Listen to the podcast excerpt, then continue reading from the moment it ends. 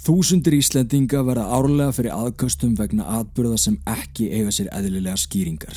Í gegnum tíðina höfum við fengið talsvert af sögum sendar til okkar þar sem fólk er raunverulega að lýsa hræðslu og óta á yfirnáttúrulegri upplifun. Atökum sem hafa komið fyrir þau á stopnunum, vinnustöðum en þó lang oftast inn á þeirra eigin heimilum. Í þessum þáttum munum við fara yfir aðsenda sögur, deila þeim með þjóðinni og rýna betur í það saman.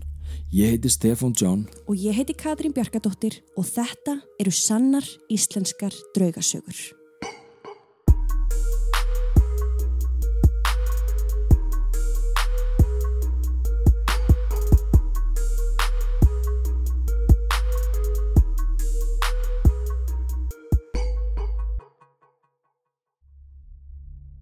Eftirfarandi sögur eru sannar og koma frá fólki úr öllum stjættum þjóðfélagsins.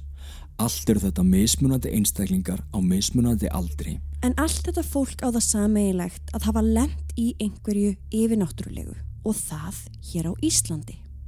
Orðalagi og uppbröðun hefur lítilega verið breytt til þess að koma sögunni sem best til skila en að öðru leiti eru frásagnirnar nákvamlega eins og þær bárust okkur.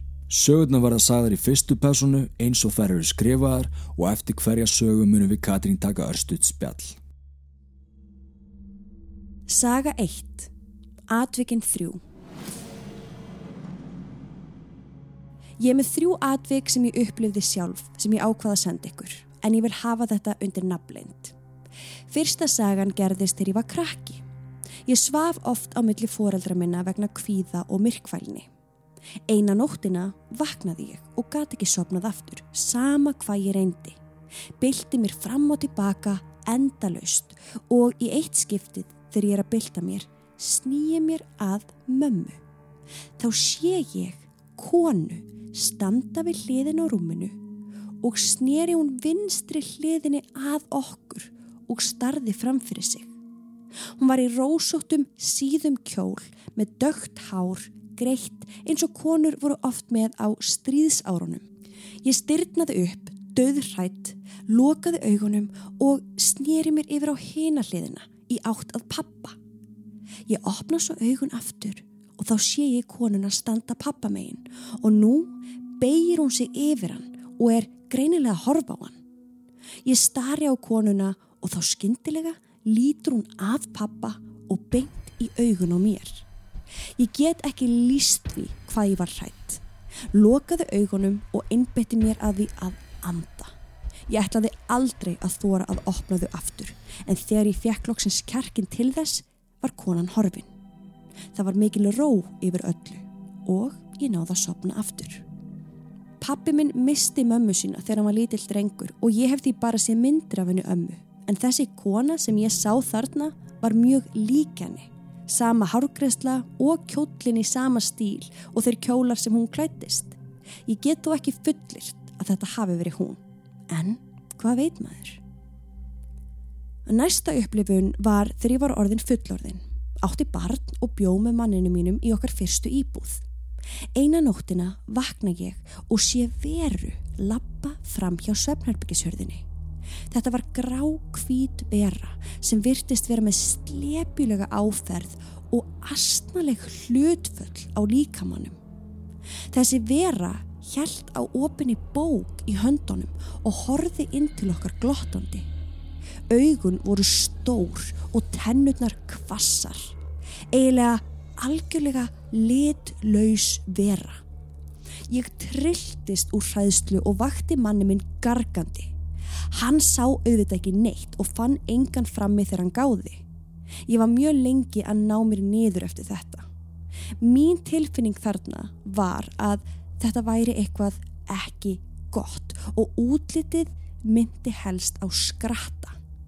Ég vildi að ég gæti teiknað svo ég gæti teiknað veruna því ég gleymi svo aldrei. Þriðja sagan er bara svona lítil og krútleg og gerðist fyrir ekki svo lengu. Ég var út að ganga með dóttu minni sem er 18 ára og ákváði við að fara í gegnum kirkjugarðin við Suðurgötu. Það er engin nálat okkur og dótti mín er vinstra megin við mig. Ég heyri skyndilega flautað fyrir aftan mig, hægra megin og flautið var nálagt eins og sá sem flautaði væri bara rétt við mig. Ég stoppa og lít aftur fyrir mig en það var enginn þar. Dóttir mín heyrði þetta ekki. Vildi að ég geti tekið flautið upp og sendt hljóðfæl til að láta fylgja með sögunni. Mér fannst þetta alveg mögnuð upplifun. Vá, ok, förum aðeins yfir þessu þrjú atvik. Fyrst er það konan sem hún sér þegar hún er barn upp í rúmi hjá mömmu, svona pappa. Já, Hún sá hana greinlega það skýrt að hún gæti líst hvernig hárgreðslu hún var með og hvernig hún var klætt. Já og þessi kona er greinilega eitthvað að skoða foreldrennar sem liggja sofandi. En svo skyndilega horfur hún í augun á henni. Stúlkan er greinlega mjög hrætt, skiljanlega, Algjörlega. en þegar konan er horfin þá færist einhver ró yfir hana og hún er að sopna. Hún tala svo um að mögulega hafi þetta verið ammennar sem hún hafi aldrei séð nema á myndum og svona með að hvernig hún segir frá sögunni þá verðist hún sjálf halda að svo hafi verið. Já. Og ég held að það sé bara alveg rétt hjá henni. Já, ég held það líka og ég verð alltaf rosalega forvitin þegar ég fyrir gegnum þessar sögur og Já. hún langar mig að vita, sá hún hann eitthvað tíman aftur? Emitt. Næsta atvik gerist þegar hún er orðin eldri Mm. og þarna er hún að lýsa bara djöfulegri veru eða hvað heldur þú steppi? Jú, jú, það er nefnilega bara alveg hárið. Mm -hmm. Hún tekur skýrt fram að þetta sé astnalegum hlutföllum Já, og það er einmitt einkenni, já, það sem kannski Íslendinga kalla skratta eða, eða djöfla eða kölska. já, En jú, astnalegir hlutföllum með stórar tennur, beittar, þetta, er, þetta er ekki gott, sko. hvað þessi vera var að gera þarna Mm, og með bók, í hönd mm við getum ekkert sagt til um það en það væri forvittnilegt að vita hvar þessi íbúð er staðsett já, og vita hvort það sé einhver saga í kringum hana eða jafnvel jörðina sem hún er byggð á. já, ég var alveg til í ef að viðkomandi geti sagt okkur bara kannski hvað þessi íbúð er. Já, svona prívat og persónulega. bara prívat og persónulega og svo er það þriðja atviki sem Já. gerist í kirkjugarðinu og já, náttúrulega kirkjugarðin við sögugötu er náttúrulega bara einn reyndasti staðir í borginni. Já, og það er, það er algengt að fólk heyri flaut í kirkjugarði. Já, og því kemur þessi saga mér í rauninni ekkert að óvart. Og mér finnst hún bara svona, þetta er skemmtileg og eiginlega pínur svona notaleg. já, já, emitt en það er einhver að láta að vita að sér svona á þessum sögum að dæma þá býst ég við að þessi kona sem að senda okkur þessar sögur Mhm. sé næm. Og ég vona hún sé ekki að sjá neitt slæmt eða finni fyrir mikill hræðsli núna eftir allt saman. Nei, og sérstaklega- Já, og sérstaklega samt eftir hérna, atvik nummer tvö. Já, Ég meina, það, það er eitthvað sem að gæti virkilega setið í manni. Að og, og það eru bara því miður allt og margir sem eru næmir og búa Mhm. við hræðslu allt sitt líf af því að þeir kunni ekki að stjórn þessu eða í rauninni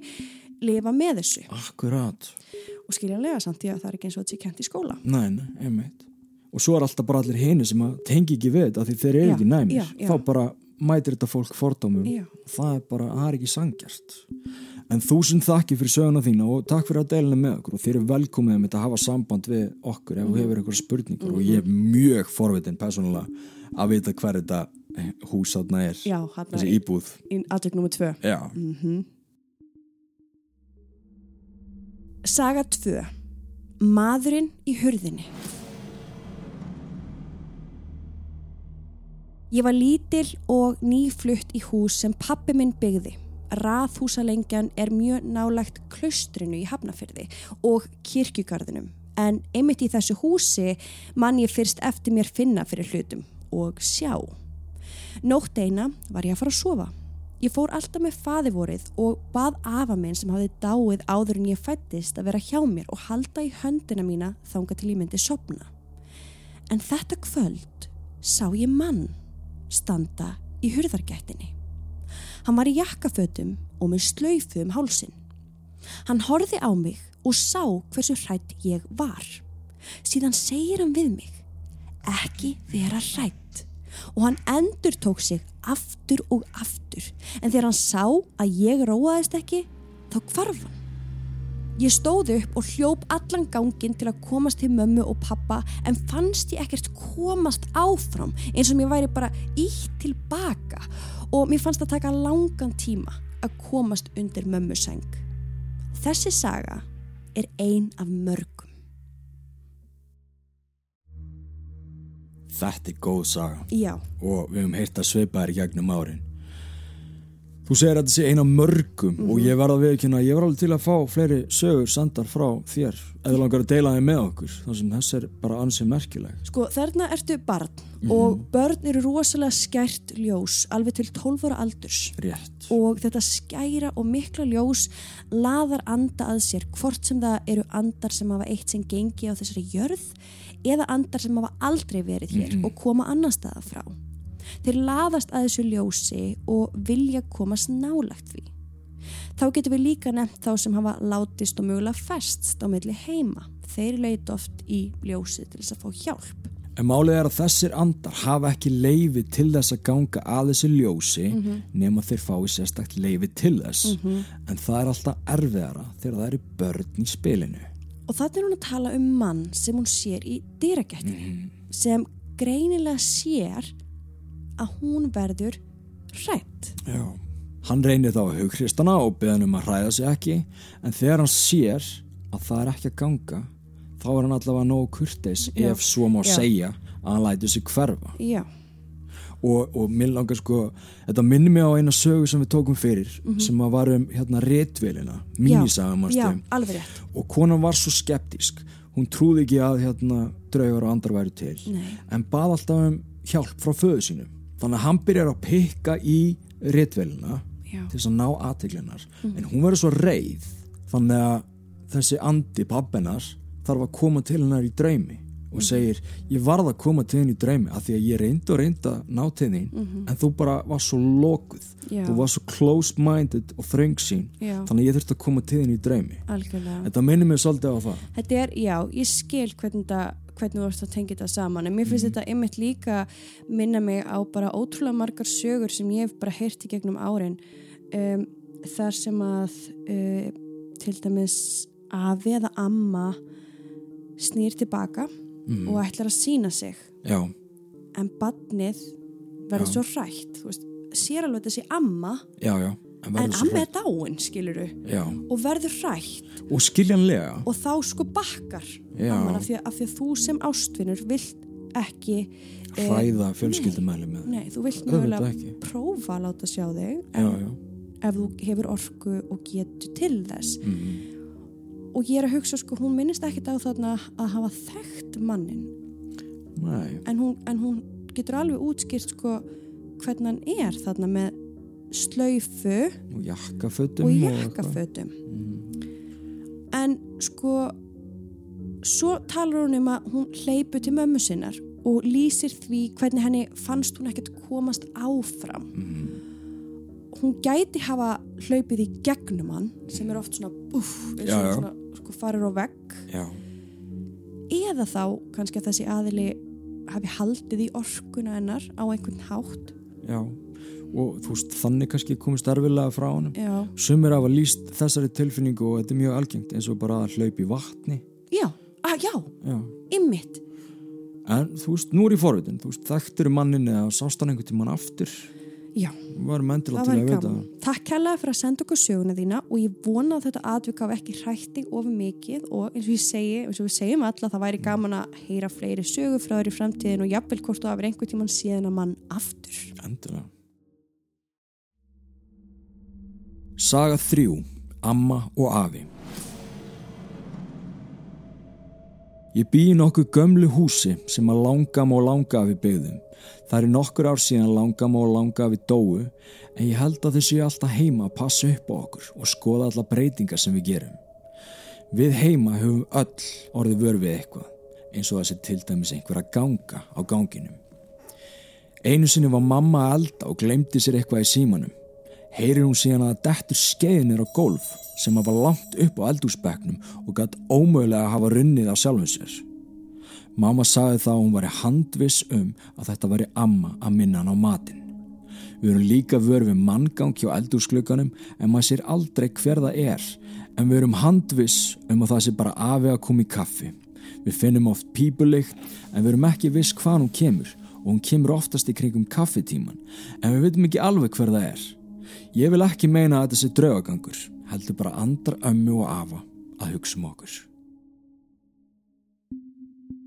Þetta fannst okkur virkilega falleg saga Já. og þetta er svona alveg eina mínum uppáhaldsdraugasögum verði ég að segja. Hún er bara svo falleg. Einmitt. Draugar eru nefnilega ekki bara hræðilegir og óhugulegir sem byrtast í myrkrinu. Þeir eru allt í kringum okkur með okkur allstaðar. Og ég get nánast fullirt að meira og meina allir á Íslandi búa með að minnstakosti einum draug. Já, þá má alveg segja það. En það sem er líka svo fallegt við þetta er að öll fjölskyldan verðist vera að finna fyrir því sama og tala saman sín á milli. Mhm. Þetta er bara norm. Það er ekki einhver sem ekki trúir eða er að þakka þetta niður. Allan að enginn sem að hann minnist á hérna. Og hvernig hann endar söguna Já. að þú veist, þetta sé ekki draugagangur, heldur bara andar ömmu og afa, hugsa um okkur sem ég held að sé bara hár rétt. Algjörlega. Þúsund takki fyrir söguna eina. Gaman að fá að heyra svona jákvæða og fallega draugasögu. Já.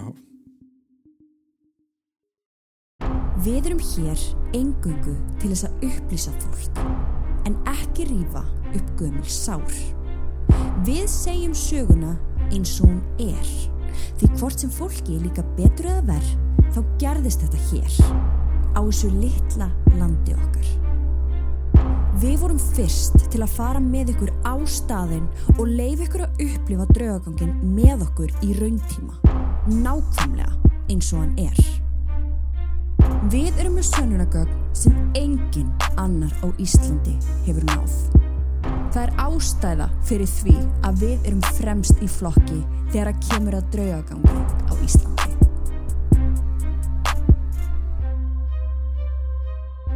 Skoðuðu áskriftarleiðirnar inn á patreon.com skástrygg draugasögur.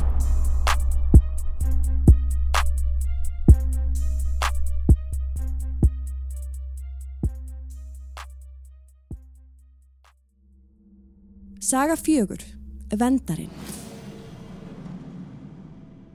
Þegar ég var í fjórða eða fymta bekk var ég svo litið mikið í andaglassi með tveimur vinkonum mínum. Við töluðum alveg nokkru sinni við sömu andana, sérstaklega eina konu sem sagðist vera kölluð Ditta. Hún sagði okkur svo fulltnafn og alls konar um fjölskylduna sína.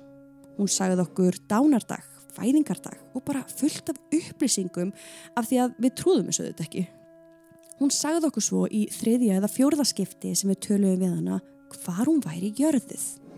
Það var í kirkjugarði nálegt húsi vinkonu minnar og við ákváðum bara svona upp á gamanið að fara og tjekka.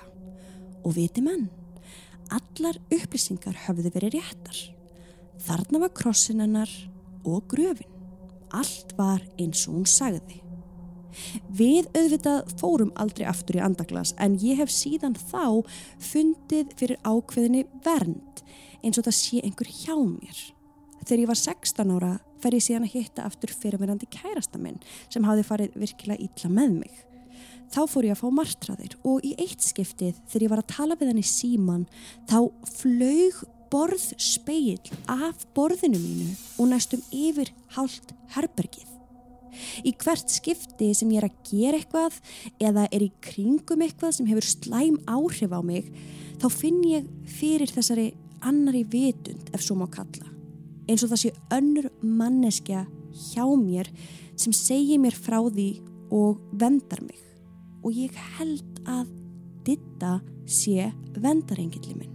Mér finnst svo skrítið að segja fólki frá þessu af því að þetta er svo ótrúverðugt og ég trúi þessu alltaf sjálf. Senustu 34 árin hef ég fundið mun minna fyrir henni og mig sárnar yfir því en ég hef alltaf reglulega farið að leiðin hennar og setið þar, snirta og spjalla við hana. Mætti gera meira af því. Ég hef meira segja farið í viðtal við konu sem var að gera réttgerðum andaglas í háskóla og sagt frá þessu máli. En segni sagan sem er langað til að deila er nú kannski varla saga en ég á sem sagt tvo ketti Annar þeirra vælir mikið á nóttunni sem er svo sem alveg eðlilegt þar sem hann er orðin svo gamall en hinn hefur bara nýlega tekið upp á því sama, alltaf á sama stað. Það er sem sagt gangur fyrir utan söfnarbyggjum mitt og þar situr hann oft lengi í einu horninu og starir upp á veggin. Hann gerir þetta mjög reglulega og mjálmar svo stundum á veggin. Ég hef grand skoðað þetta horn og það er aldrei neitt sérstakt í því. Ég er mjög opinn fyrir öndum og frá því að við fluttum í þessa íbú fyrir tveimur og hálfu ári hef ég fundið mjög stert fyrir einhverju. Ekki slæmusamt en mér finnst þetta mjög áhugavert. Svo fór ég líka í Dillonshúsi fyrir ekki það löngu og ég fekk alveg í magan og leið alls ekki vel. Það má byrta þetta undir nafni.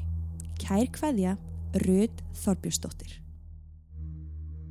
Fyrsta sagan sem mátti byrta undir nafni. Wow, takk Rudd. Svo viljum byrja á að þakka þér kærlega fyrir að senda okkur söguna einu Röð og ég held að það sé ágætt stefið að við rínum aðeins í hana. Ójá, ég held að við þurfum ekkert að fara nánar út í það hér hversu mikið við erum að móti andaglasi. Nei. Við hefum gert podcast þátt um andaglas sem er aðgengilegur á öllum hláfsveitum ásamt því að spjallum það við áskrifundur okkar á Draugasög podcast. Við hefum farið oft og mörgursunum í Já, þetta. já, já. En andaglas er virkilega hættulegt og ekki eitthvað til þess að leika sér með. Fólk hefur lent virkilega illa í því. Sumir meðst illa, orðið andsettir og það eru meira að segja dæmum það að fólk hafi látið lífið oftar en einu sinni og oftar en tvisvar. Þannig er það bara punktur. En við erum ekki hér til þess að dæma og þú talar um að hafa farið í andaglast þarna mjög ung og eflust ekki vita betur á þeim tíma eins og bara svo mörg ungmenni þá og ennþá í dag. Einmitt. Það er Þetta- bara þannig. Já, þetta er bara fáfræði sem er allt í læg en það þarf að fræða fólk. Og, og bara vonandi getur við frætt fólk með eins og þættinum okkar um andaglas. Þú talar um að þarna hafi þið náð sambandi við konu sem sagði ykkur upplýsingar um sjálfan sig sem reyndust svo vera réttar þegar þið fóruð að gröfin hennar. Í gegnum árin hefur þér svo fundist hún fylgja þér í gegnum lífið og mögulega að venda þig. Sko, það gæti alveg verið en án þess að ræða þig þá eru líka til nákvæmlega svona dæmi þar sem andi fylgir síðan einstaklingnum í áratugi og þessi andi reyndist þá vera Djöfulega vera. Já, einhver kölskinn. og, og það er engin þólinn móðari heldur en djöfullin og hann kann alla leikina til þess að láta þið treystunum en aftur, ég ætla að segja það við erum alls, alls, alls, alls ekki að segja það sé þið tilvik. Ó, nei. nei, nei, ég er engungu að segja þetta í forvarnarskinni að það geti gerst. Að, að því við erum búin að fara í heimahús og þurft að taka já, til já, já. að því að sko fyrir löngu, löngu, löngu síðan þá voru einhverjir krakkar í andaglasi þú veist, langt á undan eigundum sem að leita svo til okkar. Þannig að þó að þú farir í andaglasi í dag og það gerist ekki neitt þetta er bara ekki gott. nei, þá hefur það samt kannski einhverja afleðingar sem að koma ekki fram fyrir bara mörg, mörg árum setna Mér finnst þú eins og að tala um að þér líði eins og þetta væri virkilega gott og að þessi kona væri að passa upp á þig. Og við verðum líka alltaf að horfa líka á þann heng það gæti sko bara vel verið Já. og ég held að þú sért svolítið þú- svo eina sem getur dæmt almennilega Akkúrat. um það af því það þarf ekki að bara einblýna á það vonda Satt. af því það eru alveg margir góðir andar sem vilja venda og hjálpa lifandi fólki og mér heyrist að bara það sé akkurat þannig í þínu tilfelli. Og vonum það innilega, já, ég held að það sé hár rétt Já, og, og ég held einmitt að hún, hún sé best að dæma um það. Ef hún er að finna góða orku henni Ah, líður já. vel. Það veit að enginn betur en hún. Nei, nákvæmlega. Þú tala síðan líka um að það sé erfitt að ræða þetta við fólk og að þú trúir þessu varla sjálf en ég skal gefa þér hérna staðfestingu á því að það er ekki neitt rosalega skríti við þetta allt saman. Það að ná sambandi við anda sem vendar og fylgir þér er eðlilegu hlutur. En fólk er alveg sérstaklega og við Íslendingar aftur sérstaklega erum rosalega hrættum að tala um þessa hluti og viðurkenna tilvist þeirra. Já. Og svo segir hún okkur frá köttum. Og Sko, ég átti sjálf kött, þannig ég veit alveg um hvað þú ert að tala. Mhm. og í fyrsta lagi þá, þá eru náttúrulega kettir samt bara frekar skrýtnir að eðlisfari og það er ekkert óeðrilegt svo sem að þeir sé að mjálm út í lofti eins og mér heyrist hún alveg vita í sögunni sinni Mm. Já, já. sko. en það er samt annað ef maður sér greinilega breytingu á kettinu Já. sínum og þá getur vel verið að þeir sé að finna eitthvað sem við ekki finnum Akkúrat. og eins og við höfum oft talað um áður þá skinja kettir og dýr Mhm. bara öll dýr þau sjá og finna og heyra miklu meir en við. Já, þannig að mér finnst þetta indisli saga, þessi kísusaga og það geti vel verið að það sé eitthvað einmitt spunnið í hana, ef allt í hennu Mm. kötturinn byrjar að haga sér á einhvern ákveðin hátt. Einmitt, að þá finnst mér al allt í lagi stundum að, að gefa því gaum sko. algjörlega. Svo talar um Dillonshúsið eða Sögutu 2 við hefum farið þangaðinn og rannsakað en þó ekki alveg eins vel og við vildum. Nei, og það er ekkert skrítið að fólk sem er nefnt finni fyrir förðulegri orku þar inni með að við harmleikin sem átti sér þar Akkurat. stað sko. við gerðum ídarlegan þátt um Sögutu 2 og Dillonshús bara, ég heldur fyrir árið síðan fyrir áskrifundir já, alveg rétt og Já, við gerðum það, það var endur ansi góði þáttur já, er mjög, mjög þungt og sorglegt mál en, en virkilega veist, þetta á sér alveg stað í paranormal Já. sögu Íslandinga En þið getið allavega, ef þið hafi áhuga á að hlusta þann þátt, þá er hann inn á patreon.com skástrygg draugasögur og já, hann hefur verið gefin út örgla fyrir svona tæpa, fyrir svona árið síðan. Já, eitthvað svo leiðis. Takk hella fyrir sögunaröð. Það var alveg bara frábært. Saga 5. Skátaferðin. Komið í sæl. Ég ákvað að senda ykkur þetta undir nafnleind vegna hagsmunum minna og starfa. En mér langar að deila með ykkur sögu. Ég hef alltaf verið mjög næmur en þó meira þegar ég var yngri þó ég sjáu enn hluti og skinni látið fólk í kringum mig þá veit ég það í dag að þetta er ekki hættulegt fólk og í mörgum tilfellum er þetta ættingjar en þá hef sagan. Þegar ég er tíu ára þá fer ég í minna fyrstu skáta útilegu upp í Þegar gengið er inn í skálan er eldúskrókur með gasi það var sem sagt ekkit rafmagn í þessum skála. Svo var stíi upp á loft sem var bæði svepploft og það sem haldna voru kvöldvökur. Svo kemur að því að við höfum að fara að leggjast til kvílu og er ég í efri kóju beint á móti steganum. Þegar ég held að allir væri sopnaðir þá verður mér skyndilega alveg rosalega kallt og heyri í kjölfarið rödd segja Sérðu mig, ég er í steganum. Ég líti á stegan þar sem ég sé mann hanga í snöru úr loftinu og annan mann við rúmstokkin með hamar á lofti sem saði stöðugt Þú gerir þetta ekki aftur, þú gerir þetta ekki aftur. Ég var skiljanlega lofandi hrættu þarna og þorði ekki að hreyfa mig. Ég þurfti svo mikið á klósetti til að pissa en ég þorði ekki fyrir mitt litla líf að fara fram úr. Ég reyndi eins og ég gata halda í mér en svo allt í einu leggur maðurinn frá sér hamarinn og leggst í sömu kóju og ég var í. Ég var svo hrættur að ég gati ekki haldið í mér svo ég pissaði á mig í sveppókanum. Þá stekkur maðurinn fram úr rúminu, tekur hamarinn og horfir annarkvort á mig eða rúmið og hleypur svo niður og út með miklum látum. Svo verða lætin svo mikil að það er eins og það sem verða að berja í húsið á utan á alla veggi. Flestir, ef ekki allir, vöknuðu við höggin og einn úr hópnum spurði hver var eiginlega úti að berja veggin. Engin vissi neitt og skátafóringin sá engan fyrir utan. Morgunin eftir förum við svo út þar sem við áttum að leysa ímis verkefni. Okkur var skipt í hópa og ég var í hóp sem átt að ganga í átt að fjallinu fyrir ofan og finna læk til að sækja vatn. En á leiðinu upp fjallsliðina gengur á mót okkur maður með hamar í hendinni. Þetta var sami maður og var í skálanum um nóttina. Við vorum fjögur saman en það sem var svo undarlegt er að einn í hópnum sá hann ekki og sá gengur beint á mannin og dettur og spyr svo hver það var sem að rindi sér. Við hinn þrjú sem sáum mannin vorum gjössamlega orðlaus. Svo þegar við komum tilbaka niður á skála þá ætlaði ég að fara á klósettið sem var útikamar en þegar ég opna hörðina þá setur þessi sami maður þarna inni svo ég lokaði strax aftur á hann. Ég var þá svo hrættur að ég pissaði aftur á mig. Til mig gekk svo annar strákur sem spurði hvort ég ætlaði ekki inn. Nei, saði ég, svo hann opnar hörðina og loka strax aftur, alveg eins og ég gerði. Og saði, er einhver aðna inni með hamar. Já, svaraði ég. Um kvöldi spyr ég skátafóningjan hvort hann viti hvort það hafi verið fram í morði skálanum og ég sagði honum frá því sem ég hafi séð og hann svaraði að hann hafi bara heyrt að manni sem hafi hengt sig í steganum en aldrei um nokkuð mann með hamar.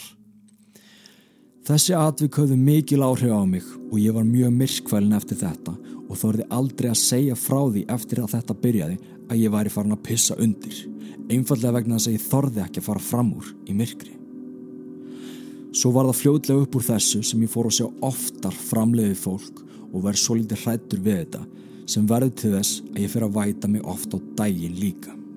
Það er ekki fyrir en ég var orðin 14 ára að amma mín sem var fyrsta mannskjan sem ég sagði frá þessu öllu saman segi við mig að ég þurfi ekki vera hrættu við þetta fólk, það gerir okkur ekkert. Mörgum árum setna hittust við svo nokkur sem voru í þessu ferðalagi og fór ég þá að rifja þessa útilegu upp. En það vildi samt engin ræða þetta með mannin með hamarinn fyrir utan strákin sem ætlaði á eftir mér á kamarinn. Ég er orðlaus og ég ætla að byrja á því að hrósa þér fyrir að skrifa niður söguna þína og deila henni með okkur og öllum sem er að hlusta Ó að því þetta hefur verið raunverulegt áfall fyrir þig á allan hátt skiljanlega og það er alltaf erfitt að setjast niður og skrifa niður atvik sem hafa haft svona djúb áhrif á mann. Þú byrjar að segja okkur að þú sért næmur og þú skinni láti fólk í kringum þig og ofta tíðum séu það ættingjar. Þegar ég las svo lengra í sögun og þá segja að þetta er einmitt það sem ammaðinn segir við þig þarna þegar þú varst yngri. Að þetta fólk sem þú varst að sjá þurftir ekki að hræðast.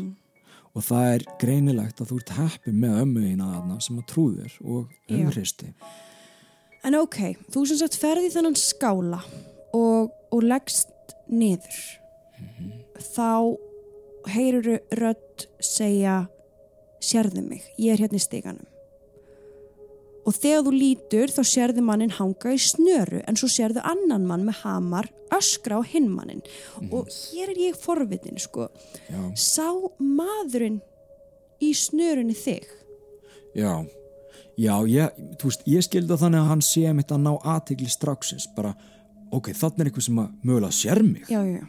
bara, sérðu mig, ég er hérna. Ok, og þegar maðurinn með hamarinn leggst svo í kójuna hans, Já, fannst þér hann þá sjá þig og vita af þér eða ekki? já, að því hann stendur svo upp og hann gerir sér ekki alveg grein fyrir hvort að þessi maður með hamarinn horfir á sig eða á rúmið. Já, sko, hann segir sko, hann, hann leggst þetta niður, uh, hann pissar á sig og þá akkurat stendur hann upp og ég er bara svo, og, og ég mitt horfir hann hvort á rúmið eða hann og ég er svo spennt að vita, já. hver er draugurinn hann? Hver er draugurinn hann? Einmitt. Já, Er það hann? já, já. Eða já, er það maðurinn með hamar? Já, já. Þú veist, var hann bara að fara að leggjast í rúmið sitt, maðurinn með hamarinn, en fann svo bara allt í henni fyrir okkar manni Já, bara einhverju vætu koma og skilur ekkert hvaðan þetta vatn kemur. og var kannski mögulega hrættur. Einmitt, Hver er draugurinn? einmitt, góðu punktur. Og þá fer hann út og lemur í húsið Já, já, og það heyra fleiri heldur en bara hann. já. Þá vakna allir í skálanum. Mm -hmm. Og þegar þið gangið síðan upp brekkun og allir sjá mannin með hamarinn nema einn, Já, já.